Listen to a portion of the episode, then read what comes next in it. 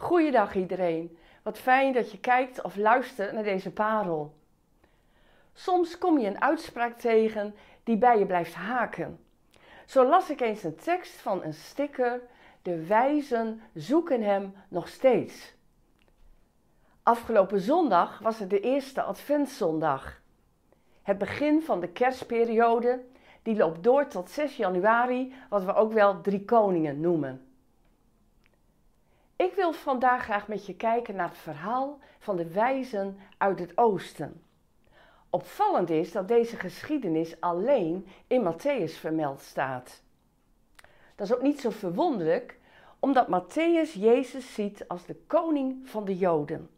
Als degene die ook de belofte van de profeten vervult.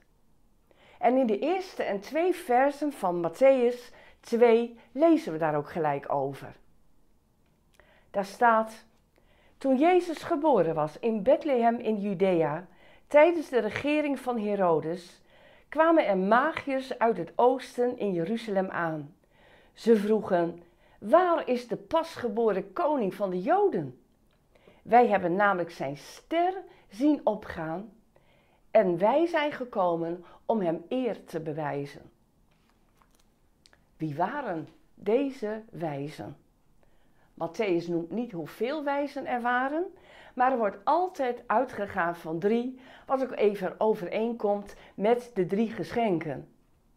Deze mannen waren Babylonische astrologen. Ze werden ook wel magiërs genoemd. Deze mannen hadden heel veel gekeken naar de loop van de sterren, wat in die tijd heel veel voorkwam. En het algemeen idee was dat een bijzonder sterrenbeeld in verband kon staan of in verband kon worden gebracht met de geboorte van een wereldheerser. Iemand die een machtige koning zou worden. De wijzen zoeken hem nog steeds. Want ze hadden een ster zien opgaan, zegt Matthäus. En het woord ster in de grondtekst van de Bijbel verwijst naar een heel bijzondere ster. Ze waren blijkbaar zo gegrepen door die bijzondere ster, zo verlangend om die ster te volgen, dat ze alles verlaten en er alles voor over hebben om ook de koning te gaan aanbidden waar die ster naar verwees. Denk je eens in. Een hele lange, vermoeiende reis, helemaal van Babylonië, Perzië, naar, dat is het huidige Iran, naar Palestina, naar Jeruzalem. Weet je, het was ongeveer een afstand van 1500 kilometer. En toch gaan ze in het vaste geloof op reis dat ze het kind zullen vinden. Had God in hun hart gelegd: wie zoekt, zal vinden? Maar wat een ontnuchtering moet dat voor hen zijn geweest als ze in Jeruzalem aankomen. Ze hadden verwacht dat de straten versierd zouden zijn, dat er feest zou zijn vanwege de geboorte van de, van de prins, van de zoon van de koning. Maar de mensen kijken nieuwsgierig naar de vreemdelingen die daar binnenrijden, gezeten op hun hoge kamelen, op hun bruine, beladen kamelen. Ze zijn rijk om te zien in hun kostbare en kleurige kleding. En niemand weet iets als ze vragen waar de koning van de Joden geboren is. Wat zou er in hen zijn omgegaan? Zie je wel? We hebben ons vergist. We hebben misschien die hele lange reis voor niets gemaakt. We zijn veel te goed gelovig geweest. Desillusie. Des demotivatie om verder te zoeken. Herken jij je daarin? Je bent op zoek naar meer van het geloof in Jezus. Je doet er veel moeite voor. En toch kom je voor je gevoel niet verder in het zoeken naar Hem. Maar het is niet hopeloos. Soms heb je iemand nodig die je verder helpt. Want als je zoekt, zul je vinden. En dan lezen we ook dat koning Herodes ook het bericht van die geboorte krijgt en dat hij hevig schrikt bij dit nieuws. Wat een bedreiging voor hem. Deze concurrent moet uit de weg geruimd worden. En hij roept de wijzen dan bij zich. Hij hoort hen uit. Hij roept ook alle schriftgeleerden bij elkaar. En dan hoort hij dat de Messias, de koning, in Bethlehem geboren zou worden. En daarmee, met die kennis, helpt hij de wijzen verder. En dan lezen we weer vers 9. Nadat ze geluisterd hadden wat de koning zei, gingen ze op weg. En nu ging de ster die ze hadden zien opgaan voor hen uit, totdat hij stil bleef staan, boven de plaats waar het kind was.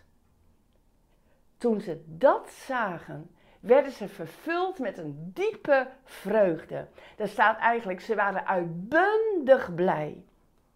Want ze gingen het huis binnen en ze vonden het kind met Maria, zijn moeder. Ze wierpen zich neer om het eer te bewijzen. En daarna openden ze hun kistjes met kostbaarheden en boden het kind geschenken aan: goud, wierook en mirre.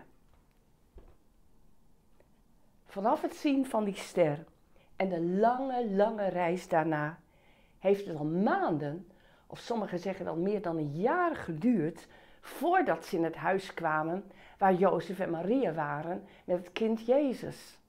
Het beeld van de kerststal is heel romantisch, maar het klopt eigenlijk niet.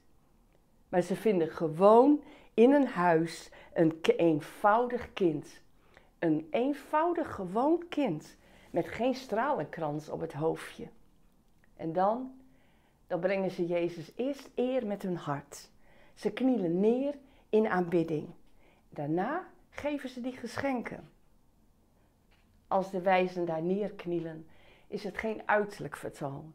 Nee, ze zijn diep in hun hart geraakt.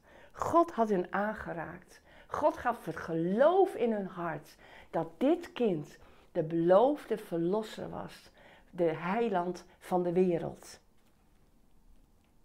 De wijzen zoeken hem nog steeds. Ik weet nog zo goed dat ik op weg was naar een ontmoeting met Jezus. En dat iemand ook mij vertelde dat ik alleen maar hoefde te vragen of Jezus in mijn hart wilde komen wonen. Het leek zo eenvoudig om dat te doen. Maar er kwam zo'n blijdschap in mijn hart toen ik ook neerknielde in aanbidding voor Jezus, de koning van de Joden.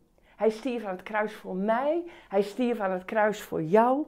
En op het, aan het kruis stond bovenaan het bordje met het opschrift: Dit is Jezus, de koning der Joden, die al zo lang gezocht was, ook door de wijzen. En jij?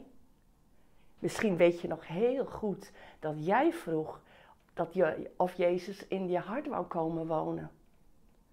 Of misschien ben je voor je gevoel al zo lang op zoek om een echte ontmoeting met Hem te hebben. En heb je al zoveel meegemaakt op jouw lange levensreis. Ik wil jou aanmoedigen om Jezus te blijven zoeken. Hij is de enige die vrede en blijdschap in je hart kan geven. Hoe dan? Je zou heel praktisch naar de kerstnachtdiensten kunnen gaan. Je zou naar een alfa-cursus kunnen gaan. Je zou de Bijbel kunnen gaan lezen. Je zou mensen kunnen vragen naar hun geloof in Jezus. Want Jezus heeft beloofd, wie mij zoekt, zal mij vinden.